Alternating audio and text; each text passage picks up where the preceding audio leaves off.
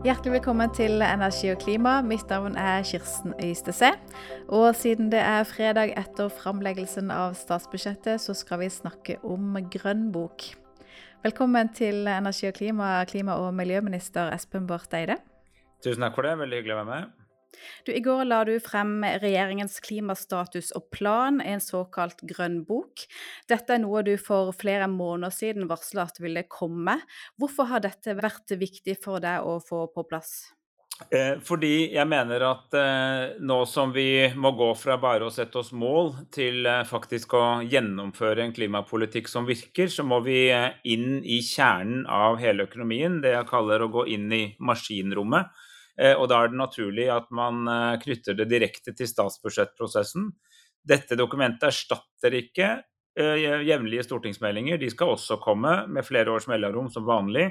Men dette blir et årlig dokument som både plukker opp hele klimarapporteringen, altså hvordan gikk det i fjor, beregner klimaeffekten av det budsjettet man legger fram, og også viser hvor langt man har kommet på veien mot 2030-målene. altså 55% kutt i hele økonomien. Og Så vil det altså komme et slikt dokument hvert eneste år framover, som eh, hele regjeringen eh, står bak, som altså vi er solidarisk forpliktet til. Jeg koordinerer det sammen med finansministeren, men det er altså ikke Klimadepartementets dokument, det er regjeringens dokument. Eh, og så er jo da målet at jo nærmere vi kommer 2030, jo mer viser vi at vi, vi når de målene vi har satt oss for 2030, som bare for å ha det med en gang, selvfølgelig også skal reflektere at vi har et 2050-mål, altså en eh, lavutslippssamfunn og karbonnøytralitet eh, langt der framme. Statsbudsjettet er jo det viktigste politiske dokumentet der prioriteringer kommer til uttrykk i penger. Hvilken plass har Grønn bok i, som styringsdokument, altså skal det være det nest viktigste, eller hvor er det hierarkiet hen? Altså jeg mener jo at det er en, eh, en, eh, likeverdig del av helheten. Fordi eh, ambisjonen er at man skal telle utslipp som man teller penger. Så har pengebudsjettet 207 års forsprang. Det er altså 207 år siden vi begynte å lage statsbudsjettet i Norge i moderne form, og så har vi først nå begynt med dette. Så vi har litt sånn catch-up å gjøre for å få den liksom like etablert. Men prinsippet er at vi skal disponere de pengene vi har, altså inntekter og utgifter, eh, slik at eh, det går i balanse. Og der kan man ha en helt legitim og helt alminnelig politisk debatt om det skal gå mer til sykehus, eller mer til skole, eller mer til forsvar eller eh, skattelette. Og på samme måte skal vi oppnå noen overordnede klimamål. og Da kan man ha en like legitim diskusjon både innad i regjering og med storting og offentlighet om hvilke kutt som skal tas i hvilken sektor, så lenge regnestykket går opp. Eh, og da eh, er det jo slik at vi har et eh, gjenværende karbonbudsjett, så vi må da slå fast hva er liksom det vi fortsatt kan slippe ut. Det har vi jo klare tall på i det vi kaller ikke-kvotepliktig sektor. Vi har jo ikke det endelig etablert i kvotepliktig sektor år for år, men vi har altså et mål i 2030. Og for å komme til de målene, så må man lære seg egentlig å mer enn bare å tenke på kutt, så må man tenke på hvor mange utslipp kan vi ha igjen, og hvem skal ha dem. Eh, og da, de som ikke kan ha dem, de må da slutte med det. Og Det er jo det styringssystemet vi ønsker å etablere nå. Jeg er veldig glad for at eh, det ble godt mottatt både av posisjon og opposisjon og av mange organisasjoner, selv om det selvfølgelig, som jeg både ventet og som det skal være, folk som mener man skulle både mer og mindre og annerledes klimapolitikk, så føler jeg at det ble ganske godt mottatt at det er et sånt instrument man samler hele klimapolitikken i. Skal Grønnbok opp til en egen behandling i Stortinget? Eh, den behandles som en del av uh, statsbudsjettet. sånn at det er jo fordi at Grønn bok redegjør jo for beslutninger som tas i det enkelte kapittel. Altså det, det som, De tiltakene som ligger i Næringsdepartementets område, de, de, står jo på Næringsdepartementets budsjettkapittel, så det er jo der de blir vedtatt, eventuelt endret. Men grønn, men, Grønn bok er på en måte da en Eh, et, eh, et, viktig vedlegg som, som viser eh, den samlede effekten. Og Det betyr at hvis noen f.eks. ønsker å ha hvis noen ønsker å ha like store klimakutt i 2023, men ønsker å skjerme en sektor og heller ta mer fra en annen sektor, så må de sørge for at det da går opp. Mens man tidligere jo har fokusert på enkeltbeslutninger hver for seg. Så I den forstand så skal den jo prege hele høstens behandling av budsjettet, men det blir ikke en egen behandling, fordi at det er statsbudsjettbehandlingen. og statsbudsjettet. Og det er jo også sånn ikke sant, Transportkomiteen, når den behandler samferdselsministerens fremlegg, gjør jo det innen, innen, de føringer som finanskomiteen setter på hvor mange penger som er tilgjengelig. Og finanskomiteen er nå godt forberedt på, våre folk i finanskomiteen har jo jobbet masse med å forberede seg på dette. Hvordan eh, integrerer du da klimabudsjettet i finansbudsjettet? Du har sagt at utslipp bør telles på samme måte som penger. Gjør dere det med denne grønnboka? Altså, vi, vi, eh, vi, gjør jo det i den forstand at vi viser at vi når målene i 2023 i ikke-kvotepliktig sektor. fordi der har vi altså et definert utslippsbudsjett som vi har fått gjennom samarbeidsavtalen med EU, og den skal vi holde oss til. Og det er da eh, det er da, da skal vi kutte 700 000 tonn til, altså oppå rene fremskrivinger. Og det får vi til med 500 000 i tiltak som kommer i selve statsbudsjettet, og 200 000 som kommer gjennom andre tiltak, bl.a. forslag som er ute til høring, men som blir besluttet og får effekt i, i 2023, som det er redegjort nærmere for. Bl.a. Et, eh, et forslag som samferdselsministeren har lagt fram om krav om nullutslippsløsninger i tyngre varebiler i offentlig sektor. Det er foreslått fra regjeringen, men det er ikke ferdig gjennom høringsinstruksen. og Derfor så er vi ærlige på at det må da vedtas, men det skal jo da vedtas før jul. Fordi at forslaget skal gjelde fra 1.1 f.eks. Så når du legger alle disse tingene sammen, så teller vi jo utslipp slik at det regnestykket går opp. Fremover så skal vi lære oss å gjøre det også i kvotepliktig sektor. Og der, vet, der, er utfordringen som vi så både i fjor høst, da vi forhandlet om disse tingene oppå Solberg-regjeringens budsjett, og nå, gjennom hele det arbeidet som har pågått en god stund med klimastatus og plan, det er at vi har ikke i Norge, og for så vidt ikke i noe annet land heller, eh, gode nok instrumenter for å si at tiltak A fører til utslipp B på tidspunkt C i kvotesektoren. Altså F.eks. nå legger vi mye mer penger inn i Enova, målrettet mot klimakutt industri og transport. De har selvfølgelig en klimaeffekt. Altså, ellers er det bortkastede penger, men alt tyder på at de kommer til å ha klar effekt på omstilling av industrien og transportsektoren. Men vi har ikke et apparat som på, kan predikere hvor stor den effekten er i 2023 eller 2024. Eh, og da jobber Teknisk beregningsutvalg for klima jobber med den problemstillingen. Hvordan kan man også tallfeste fremtidige effekter, selvfølgelig med uh, usikkerhetsmarginer og sånn, men hvordan kan du tallfeste fremtidige effekter av den type tiltak? Eh, og vi har også bedt eh, Miljødirektoratet eh, om et viktig underlagsmateriale. og det kom en, en, del av det kom bare et par uker før vi la fram planen. Og Derfor er det bare referert til i planen, den har jo ikke blitt innarbeidet i politikk, men som viser et stort kuttpotensial i fastlandsindustri, i olje- og gassproduksjon og i energiforsyning. Eh, som vi da beskriver som utredet potensial, men som vi sier dette er jo ikke blitt til politikk, men det skal bli politikk. Og disse tingene skal da være med oss når vi flytter eh, stadig flere spørsmål fra utredet potensial til politiske forslag. Og når de har vært politiske forslag og blitt vedtatt, så blir det jo en del av fremskrivningen. Og jo nærmere vi kommer 2030, så skal altså den fremskrivingen gå mot 55% fordi målet er at vi skal ned til 23,1 millioner tonn i eh, utslipp i den norske økonomien i 2030. En kunne vel også sett for seg at vi hadde et absolutt tak på alle utslipp i 2023, og fordelte det ut på sektorer, sånn at eh, det ble enda likere statsbudsjettet? Ja, og det, og det, har, vi, det har, vi, for kvotepliktig sektor. Det tar vi på alvorlig. Det, det, har vi fordi vi samarbeider med EU.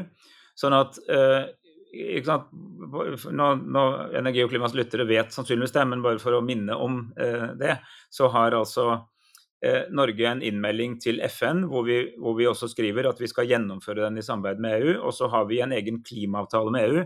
Og da får vi fra EU via ESA, så får vi, akkurat som alle EUs medlemsland og Island, eh, årlige utslippsbudsjetter. Eh, så så mye kan du slippe ut i 2023, så mye i 2024 osv. Og det er jo det som jeg sier, at for første gang kommer vi altså i rute med de, det vi skulle holde oss innenfor i 2023. Det er en god nyhet. Eh, så er det en litt mindre god nyhet, det er at vi drar med oss et utslippsgap fra 2021. og sannsynligvis fra 2022. Der er jo ikke endelig tallene klart, men det tror vi. Og det må jo da betales tilbake senere i perioden, så det må vi også ta høyde for fremover. Men i hvert fall kommer vi i 2023 i mål med det årlige utslippsbudsjettet. Men det gjelder kvotepliktig sektor. Og det er egentlig ganske logisk at det gjelder kvotepliktig sektor, fordi for det første så har man ikke tidligere regnet på nasjonale kutt i kvotesektoren, fordi man jo nettopp har vist til kvotesystemet. Så, så frem til nå så har jo alle regjeringer både Solberg-regjeringen og tidligere vår egen, altså Stoltenberg-regjeringen, vi mente jo at kvotesektoren det løser kvotesystemet alene. Eh, og det ordner seg nok. Men nå har jo både vi og omtrent alle land i EU blitt enige om at kvotesystemet er kjempenyttig, fordi det etablerer en slags felles pris på utslipp. Men det er ikke nok, så du må supplere med mer aktiv politikk også i kvotesektoren. Så, så, øh, så derfor må vi også sørge for at vi får et instrument som tar oss til målet i Norge i kvotepliktig sektor. og Det kommer altså i de kommende rapportene. Det blir ikke lineært. fordi at det vi snakker om her er jo Mens, den i kvotepliktig sektor er jo liksom hver gang en ny kommune kjøper en, bytter ut en fossilbuss med en elbuss, så bidrar det litt i kvotepliktig sektor. Så det har du en relativt nær fall. Men i kvotesektoren betyr det jo at det er jo den dagen altså Den dagen Alcoa begynner med helt utslippsfritt eh, aluminium eller hydro, eller den, man, den dagen man i Celsa i Mo i Rana uh, bytter ut uh, naturgass med hydrogen, altså den dagen får du et kraftig fall i hele det norske utslippet. Men det skjer jo den dagen, det skjer ikke gradvis. Det skjer på et bestemt tidspunkt. Og sånn sett så får du sånne terskelfall i kvotepliktig sektor. Og det må vi da ta høyde for og lage bedre metodikk for å uh, beregne fremtidig effekt av. Kommer det på plass neste år? Vi kommer i hvert fall nærmere neste år, og jo mer vi får i neste år, jo bedre. Men, det, men, det, men da understreker jeg, vi har ingen ambisjon om at det skal bli, være et lineært. Og, og det, betyr ikke, det betyr ikke at vi skyver til slutten av perioden. fordi noen, noen, teknologier kommer sent, og noen kommer tidlig. Men poenget er at du skal ha en, en troverdig mekanisme som både predikerer at vi når målet, og en feedback på hvordan det ligger an. Eh, for alt jeg vet, så kan jo de tiltakene som vi nå gjør i summen av det næringsministeren gjør, med en rekke med altså betydelig oppkapitalisering av Nysnø, eh, samling av virkemiddelapparatet mot at man ikke får støtte lenger hvis man ikke har presentert sin plan om sin plass i nullutslippssamfunnet, samt en kraftig økning av Enova.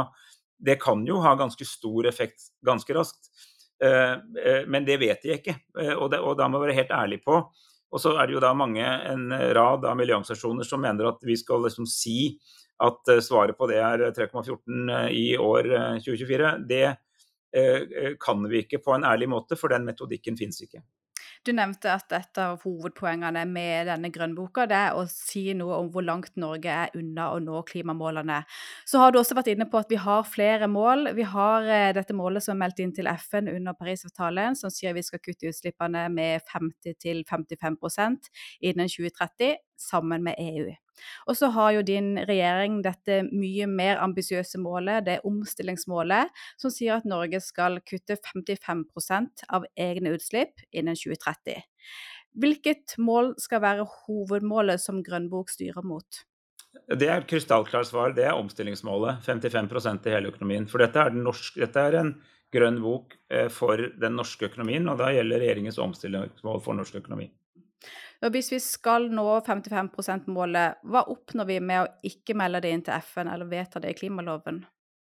Ja, altså fordi at uh, det, der har vi nå, nå, vi nå, er det jo snart COP27, og så får vi se hva vi gjør der. Uh, det kommer når det kommer. Men, men, uh, men når vi har sagt at omstillingsmålet kommer på toppen av det innmeldte FN-målet, er det fordi at vi gjør akkurat det samme som Danmark og Finland og Sverige og Tyskland og Nederland og en rekke andre EU-land gjør, nemlig at man har en solidarisk forpliktelse man oppnår i fellesskap. Og den melder man da inn til det EU-landet gjør det, Island og Norge gjør det.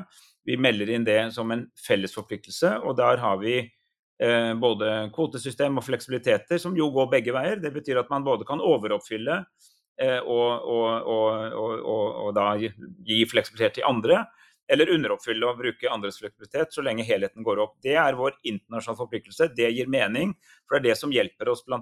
med å få disse årlige utslippsbudsjettene og en rekke andre fordeler av det tette samarbeidet. Men så sier alle de landene jeg nevnte, og nå også Norge, at vi pålegger oss en nasjonal ambisjon oppå det, som vi strekker oss etter, og som vi setter våre egne mål etter, som går lenger enn det. Og det er rett og slett fordi at det er tilnærmet utenkelig at alle land kommer til nøyaktig 55% på nøyaktig samme dag. Så noen må påta seg å gå litt lengre enn det som er solidarisk innmeldt. Og Derfor så kan det omstillingsmålet lever da et logisk liv på toppen av en solidarisk fellesforpliktelse. For vi skal huske på at gjennom samarbeidet med EU så er vi ikke bare forpliktet til oss selv, vi er også med på en fellesforpliktelse som vi ønsker å honorere. Så vi er, altså, vi er med og forplikter Portugal, akkurat som de er med og forplikter oss. Men det vil vel ikke være usolidarisk å belle inn et høyere mål, selv om vi likevel skal nå et mål sammen med andre? Vi har, bare, vi har altså valgt å gjøre det sånn som de andre landene som er med i dette fellesskapet, som står på at man har et fellesmål, felles mål og at man samarbeider om å nå det. Og så, og så planlegger man i sin egen økonomi for å komme eh, enda litt lengre. La oss spore litt i tallene i klimaplanen som eh, du la fram i går. Ehm, I 2021 så var jo Norges utslipp eh, på 49,1 millioner tonn CO2-ekvivalenter. Og med allerede vedtatt politikk så vil utslippene være 10,5 millioner tonn lavere i 2030. Og hvis vi ser bort fra alt som dere arbeider med og som dere vurderer, og kun ser på hvor mye dere kommer til å kutte utslippene med innen 2030 utover det som er vedtatt, så vil dere med forslaget i statsbudsjettet for 2023 kutte utslippene med 1,8 millioner tonn innen 2030. Det stemmer? Eh, vel, altså Vi har jo vist en plansje at vi faktisk oppfyller Altså vi kutter utslippene helt i tråd med den felles EU-forpliktelsen frem mot 2030, eh, selv om den, opp, eh, altså den er i dag på 40% og så vet alle at den blir strammere, for EU strammer til klimapolitikken. Så mange regner med at Norge som et av de rikeste landene i det fellesskapet får 50 i ikke-kvotepliktig. Der viser vi jo i dokumentet at det oppfyller vi fullt ut. Vi kommer i bane med det som ligger her. Det som vi ikke har Altså, og så har vi et mål, og det, så det svarer på halve spørsmålet ditt. ikke sant? Det, halvparten oppnås der.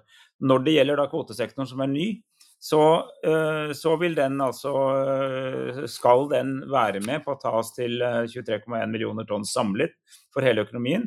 Men, men, men, alle grepene for å ta det er fortsatt under arbeid. Og det er fordi vi må altså gå fra dette utredede potensialet som vi nå har fra både fra både Miljødirektoratets gjennomgang, fra Prosess21, fra en rekke andre ting, gjennom klimapartnerskapet i næringslivet, for å omsette et mål som er alvorlig ment, i konkrete tiltak på hver enkelt sektor. Men det vi snakker om, er jo avkarbonisering av industrien alle steder det går. Der er det jo utrolig mye spennende. Jeg reiser jo land og strand rundt og besøker store punktutslipp som, som har liksom 300 000-400 000 tonn opp til 800 000 tonn hver seg og som snakker om hvordan de skal gå langt ned mot null, og noen til og med under null, i kombinasjonen sånn som Sauda, som skal kombinere eh, biokarbon med, med, CCS og faktisk da ha, net, ha negative utslipp.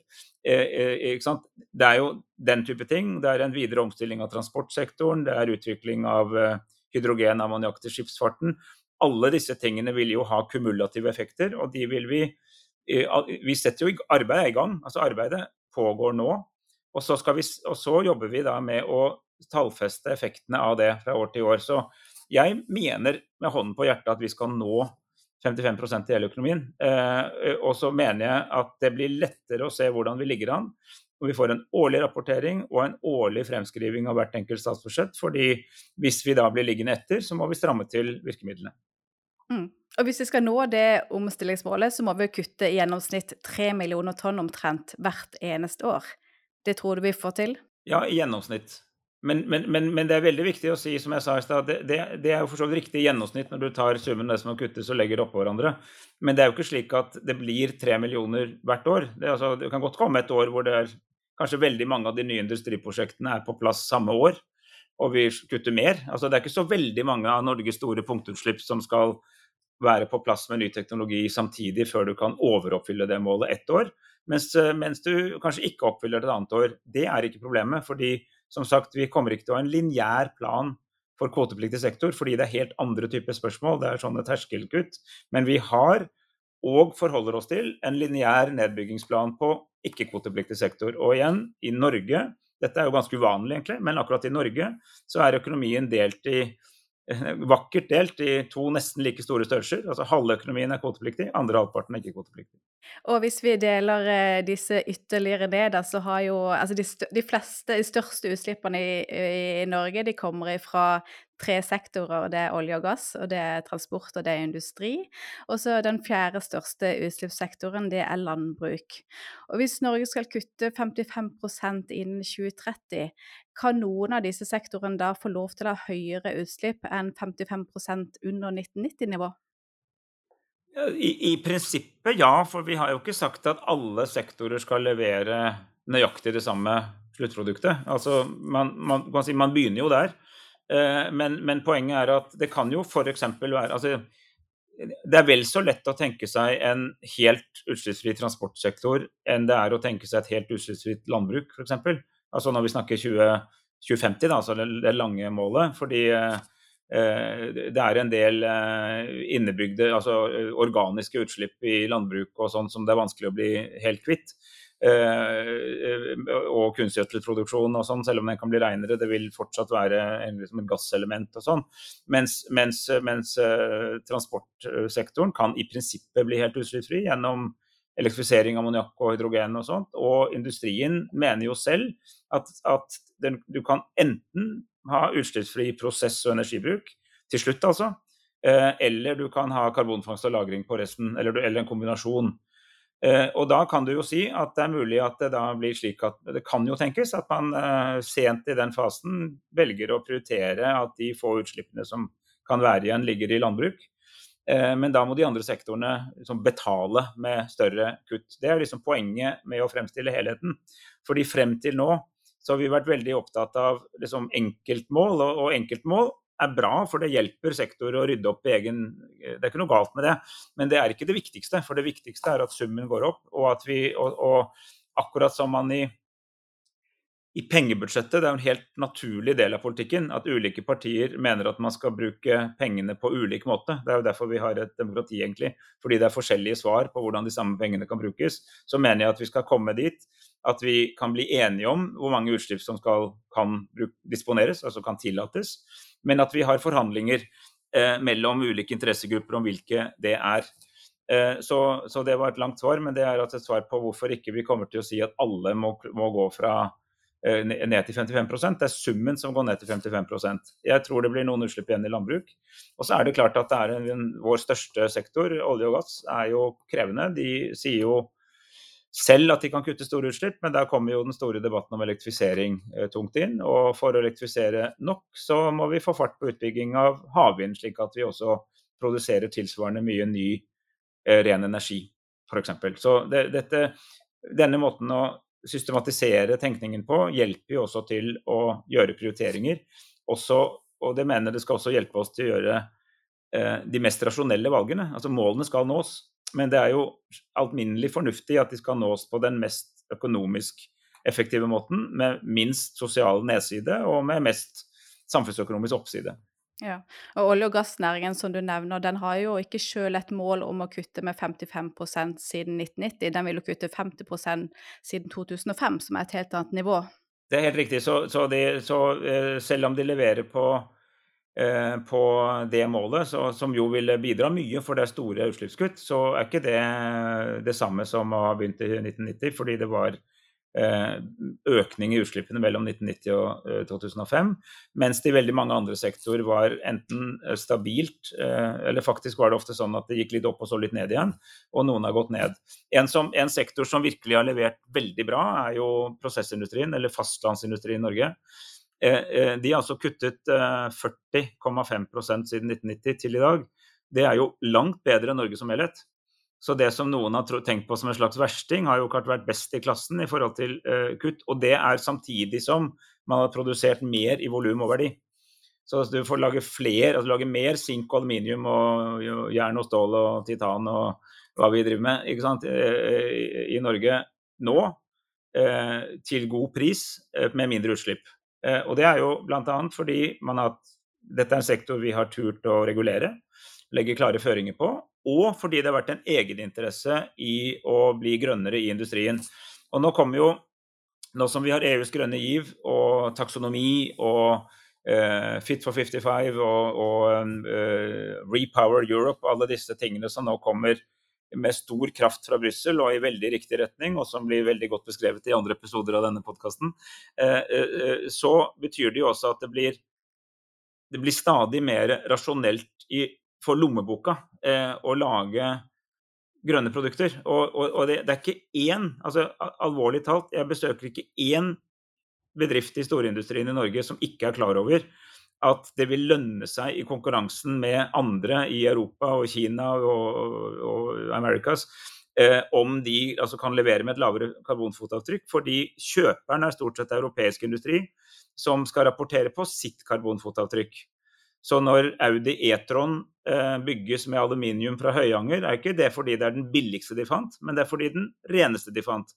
Men hvis det kommer en svenske og selger enda renere aluminium, så kjøper de dem isteden. Så dette er jo en del av konkurransen som nå er en, et slags, et slags uh, race to the top, egentlig, om hvem som kan levere de reneste produktene. Og det gjør at uh, lommeboka og klima lommeboka og klimaministeren er på samme lag, egentlig, fordi det lønner seg å omstille seg raskere. Dette vet industrien. Og så er det jo viktig at liksom andre næringer også tar den samme inspirasjonen da, og, og, tar det med seg i sine produkter. Mm. Siden du nevnte EUs Green Deal, så kan vi jo zoome litt ut. Altså Det store grepet for å få ned utslippene det handler jo om å fase ut fossil energi til fordel for fornybar energi. Men så er vi i en ekstraordinær tid. Det er krig i Europa, det er en energikrise. EU fyrer nå opp med kull og kjøper mer LNG, og de er glad for all gass som Norge kan tilby. Har krigen og energikrisa endra ditt syn på hvor raskt klimaomstillingen kommer til å gå? Ja, jeg har blitt mer overbevist om at den går enda fortere. Eh, jeg, og det, nå har jeg nettopp kommet i foregårs tilbake fra et, eh, som et sånt pre-COP, som altså et ministerformøte til eh, klimatoppmøtet i i Sharm el Sheikh senere altså i november, og det møtet var i Kinshasa. Men der var mange, det var Frans Timmermans og der var mange av de europeiske klima- og energiministrene, fordi i mange land er det de samme. Og Vi snakket mye om dette. og Det unisone budskapet er det er enda raskere omstilling bort fra fossil. altså Bort fra kull, bort fra olje, bort fra gass. Men i den rekkefølgen. altså Først kull, så olje, så gass. Og det som skjer nå, er jo at uh, Europa uh, det, det, har jo vært et voldsomt sjokk i de europeiske energisystemene at det har blitt et tilnærmet fullt bortfall av russisk gass. Så det vi gjør nå, er jo ikke å øke bruken av Altså, europeerne øker jo ikke bruken av gass, men de erstatter russisk gass med norsk gass.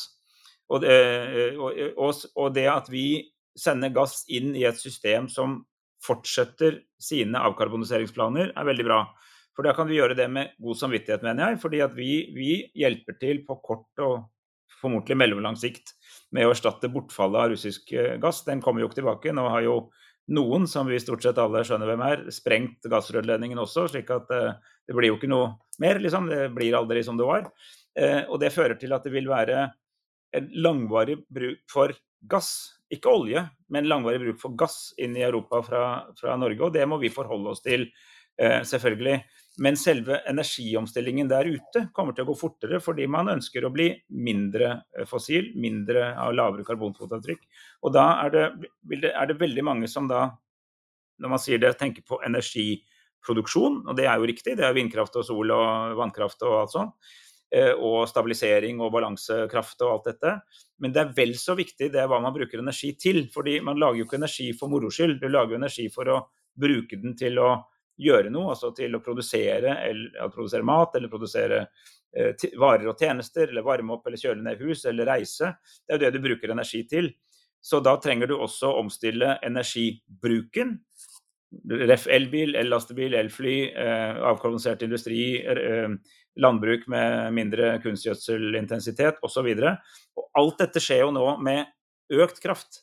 Så igjen, svaret på det spørsmålet er at eh, Putin har sørget for eh, ytterligere fart i omstillingen i Europa, selv om alle vet at utslippene de nærmeste årene går litt opp, fordi man starta noen kullkraftverk som skulle vært stengt. Mm. Men gir krigen da og energikrisa norsk petroleumsaktivitet et lengre liv enn vi så for oss før krigen?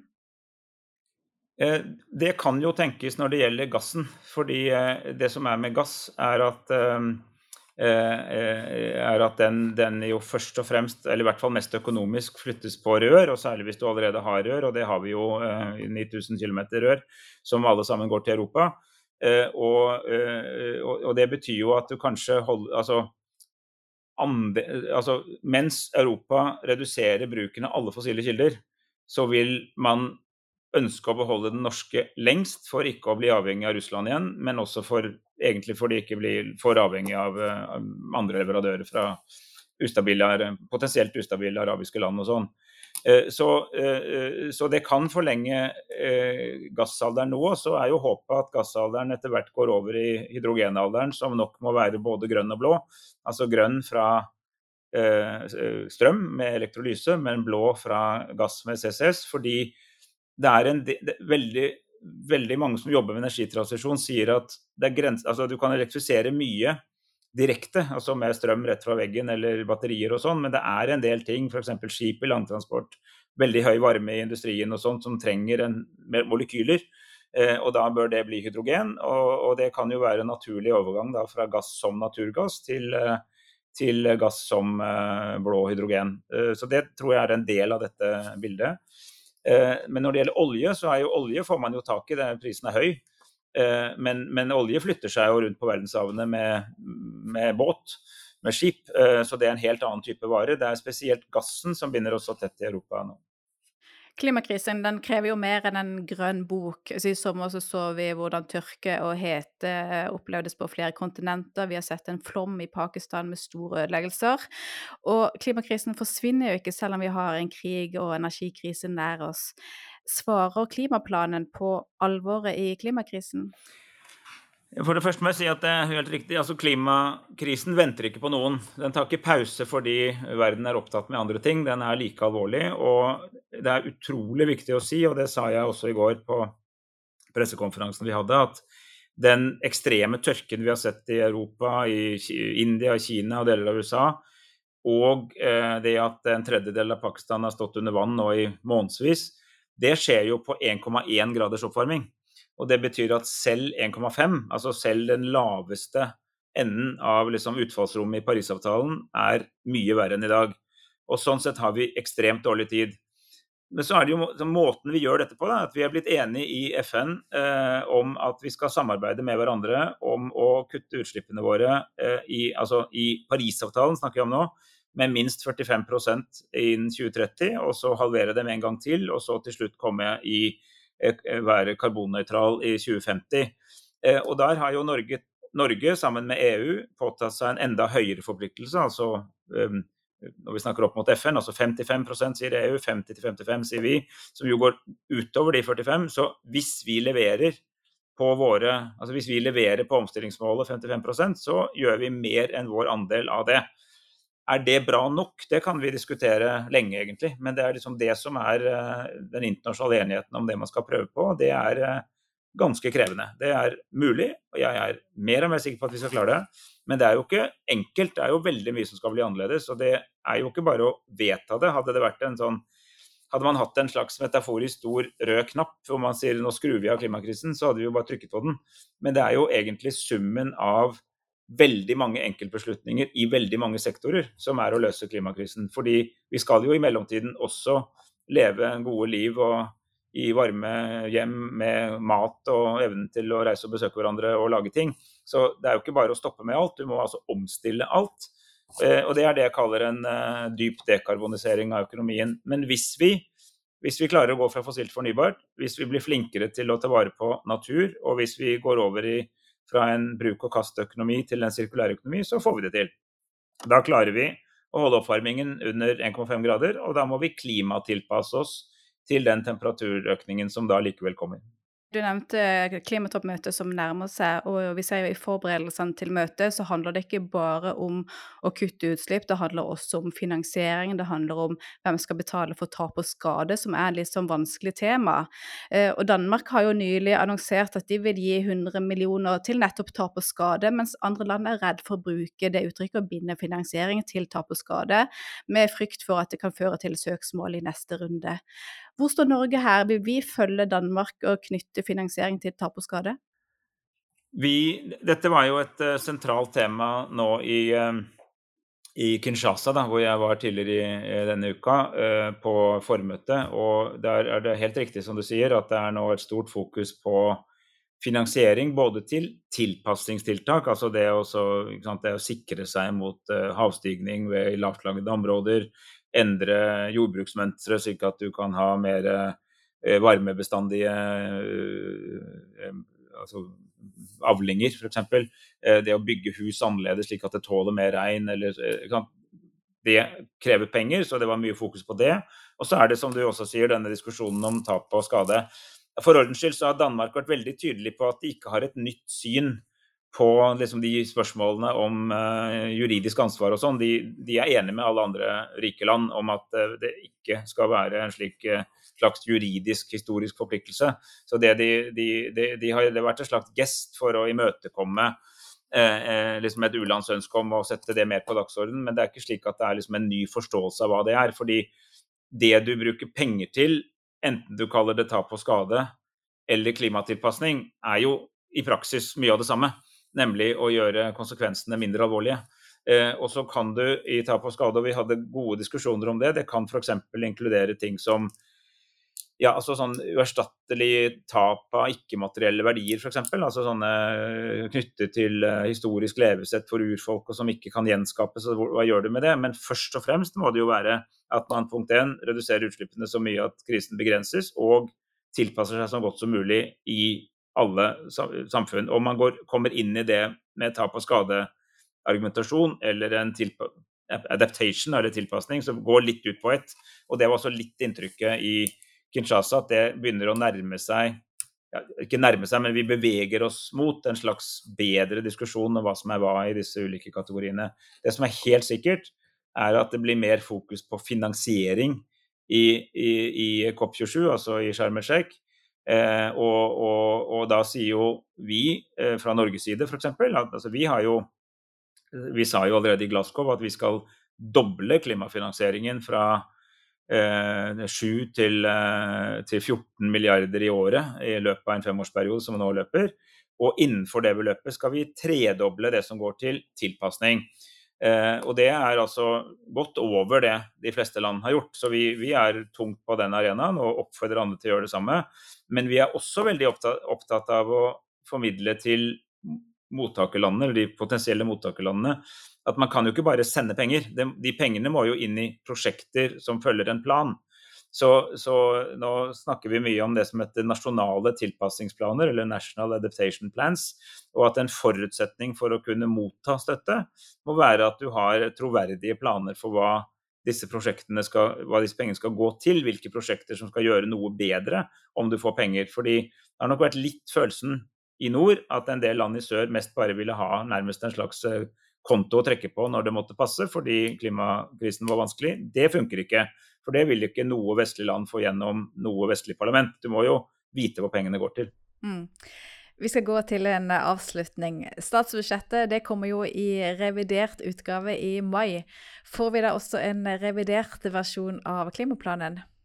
Vi kommer til å tydelig, altså det, det blir ikke en, altså Den grønne boken kommer Dette dokumentet, den grønne boka, den kommer en gang i året. Men, eh, men, vi vil selvfølgelig rapportere om effekten av endringer i RMD. Altså om det øker eller eh, svekker eh, klimaprofilen, og hva som hvert enkelt tiltak bidrar med. For det skal nå være en integrert del av all økonomistyring. Og alle statsråder, alle departementer har allerede nå et ansvar for å peke på effekten, hvis man kan, i hvert fall retningen. Altså dette tiltaket senker utslippene, øker utslippene eller er nøytrale på utslippene.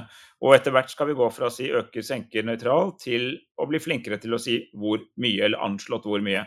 Og så må jeg si til, til den opplyste lytterskaret, det kommer til å være store usikkerheter i dette. fordi det er, det, det er, jo forventninger om fremtiden og atferdsendringer utløst av endret politikk.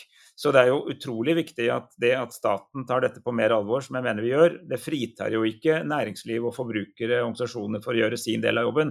Så det er fortsatt lurt, helt på egen hånd, uten å rope på penger for staten, å prøve å omstille den businessen man driver med selv. For det kommer til å lønne seg eh, eh, mer og mer uansett. Og staten vil være en god partner, men av og til kan det være å stille strenge krav. Altså F.eks. Et, eh, et krav jeg er veldig glad i, det er nullutslippskrav til cruisetrafikk i, i, i uh, verdensarvfjordene.